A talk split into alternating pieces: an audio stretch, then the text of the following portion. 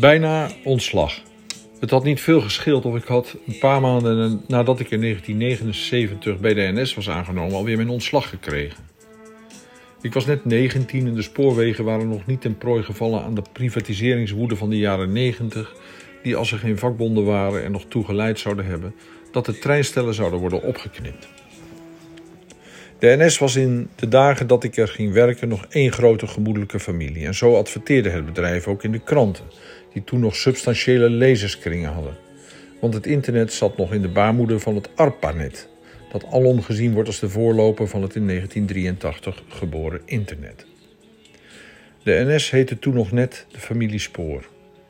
Ik kan gerust een vreemde kostganger genoemd worden in die familie van school gegaan omdat ik schrijver wilde worden, maar door mijn vader er met de daad aan herinnerd dat dat niet zomaar ging.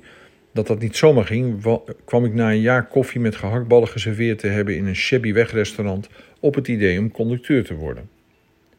Ik hield van mensen, de vrijheid van een dynamische werkomgeving en ook, eerlijk is, e-, is eerlijk, van de vele pauzeuren die ingebouwd waren in de diensten van de conducteurs en van het vrije reizen in binnen- en buitenland dat de spoorwegen zijn personeel aanbood. Het enige wat ik een beetje angstig vond, waren de treinkapingen die in die jaren net achter de rug waren. Zeker nadat ik plakboeken had gezien van conducteur Brinker, die in de eerste kaaptrein ter nauwe nood aan de dood was ontsnapt. Ik heb hem persoonlijk gekend. Je werd destijds niet zomaar conducteur. Ik weet nog dat ik een Kafkaiaanse sollicitatieprocedure door moest. Het psychologisch onderzoek leek wel een kruisverhoor met mannen met anonieme blikken die good cop, bad cop speelden.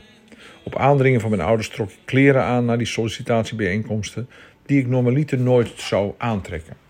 Nette kleren voor toen die je tegenwoordig tot risée van je woonwijk zouden maken.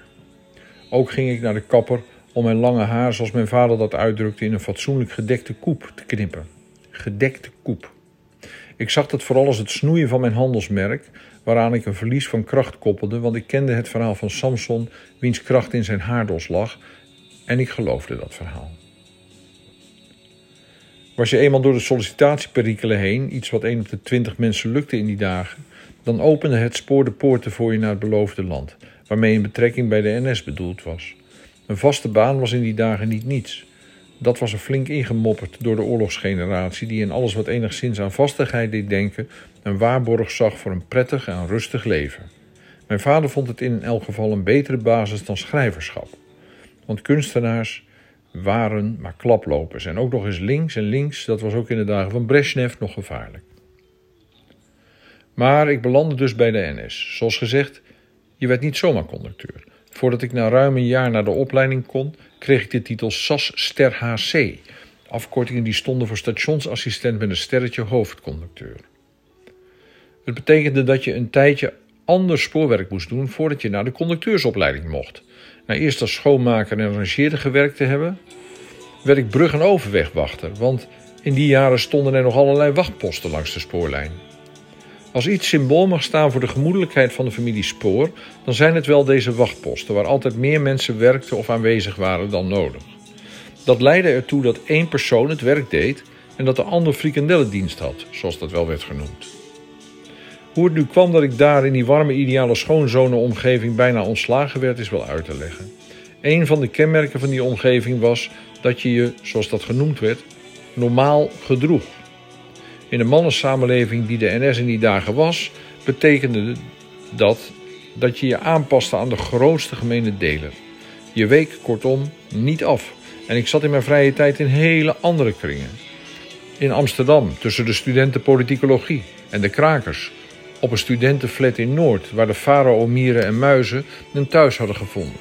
En in Groningen, waar ik wat vrienden had die de kunstacademie en het conservatorium zochten. Beide locaties hadden weinig gemeen met het conformisme van de familie Fatsoen. Argeloos liep ik dan ook met mijn lange haren en veel te lange grijze trui langs de seinposten naar de IJsselbrug, waar ik mijn diensten draaide. Als brugwachter. Niet iedereen kende mij nog, en er waren dus regelmatig meldingen dat er een persoon langs de spoorbaan liep, iets waarvan ik destijds de ernst nog niet zo doorzag. Totdat ik een keer door de spoorwegpolitie werd aangehouden en tot inkeer werd gebracht door een strenge snor. Snorren waren hot in die dagen bij het spoor, maar ook daarbuiten, want zelfs Lionel Richie en Freddie Mercury hadden zo'n ding.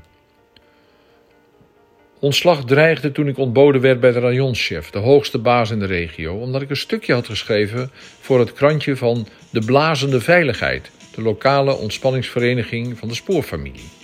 Dat stukje op zich zou voldoende. Dat stukje op zich voldoende om mij streng aan te spreken. Al zou het beeld voldeed, wacht even, om mij in streng aan te spreken. Al zou het beeld dat daarin uh, van mijn collega's nou, dat is een slechte zin. Neem me niet kwalijk, die vergeten we. Dat stukje zou op zichzelf voldoende zijn om mij in streng aan te spreken. Al zou het beeld dat ik daarin van mijn collega's schetste me definitief uit de groep gestoten hebben. Ik schetste een ingedutte wereld waar vatsigheid en luiheid de toon aangaf. Ik bedoelde het grappig, maar de rayonchef interpreteerde het anders. Ten meer daar het artikel samenviel met een waarschuwing voor iets dat ik niet goed had gedaan in mijn werk.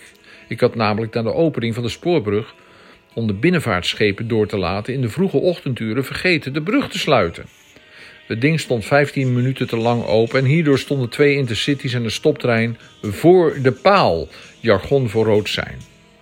Ik was zo verzonken in de Karamazovs van Dostojevski dat ik mijn werk vergat. Vertragingen worden altijd doorgegeven aan volgende treinen, dus raakte de treinloop enigszins ontregeld.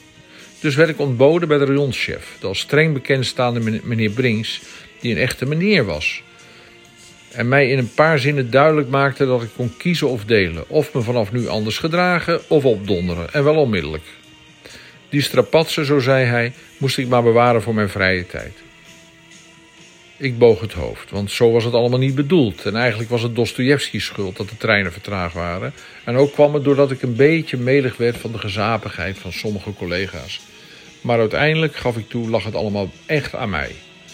Want ik was nu eenmaal schrijver en tja, wat kon je daar nou van verwachten? Tot mijn verrassing vond de rayonchef het allemaal wel heel grappig. Hij kon een lach niet onderdrukken en vroeg nog een beetje door op dingen die ik zei, waarbij die lach maar niet van zijn gezicht verdween. Overbeek, zei hij, je hoort hier eigenlijk niet. En daarom hebben we je er graag bij. Leer je een beetje aanpassen en doe vanaf nu je best, schurk. En anders is daar het gat van de deur. Nu is dat nog het oog van de naald. Een jaar later werd ik conducteur, studeerde in mijn vrije tijd een beetje door, ging na tien jaar werken bij klantenservice en later als journalist, leidinggevende en trainer bij het bedrijf. In 2001 verliet ik het bedrijf, dat inmiddels verzakelijkt en opgedeeld was, maar niet minder gemoedelijk, al vloeide, al vloeide er dan wat meer alcohol. Maar een kniezoor die daarop let.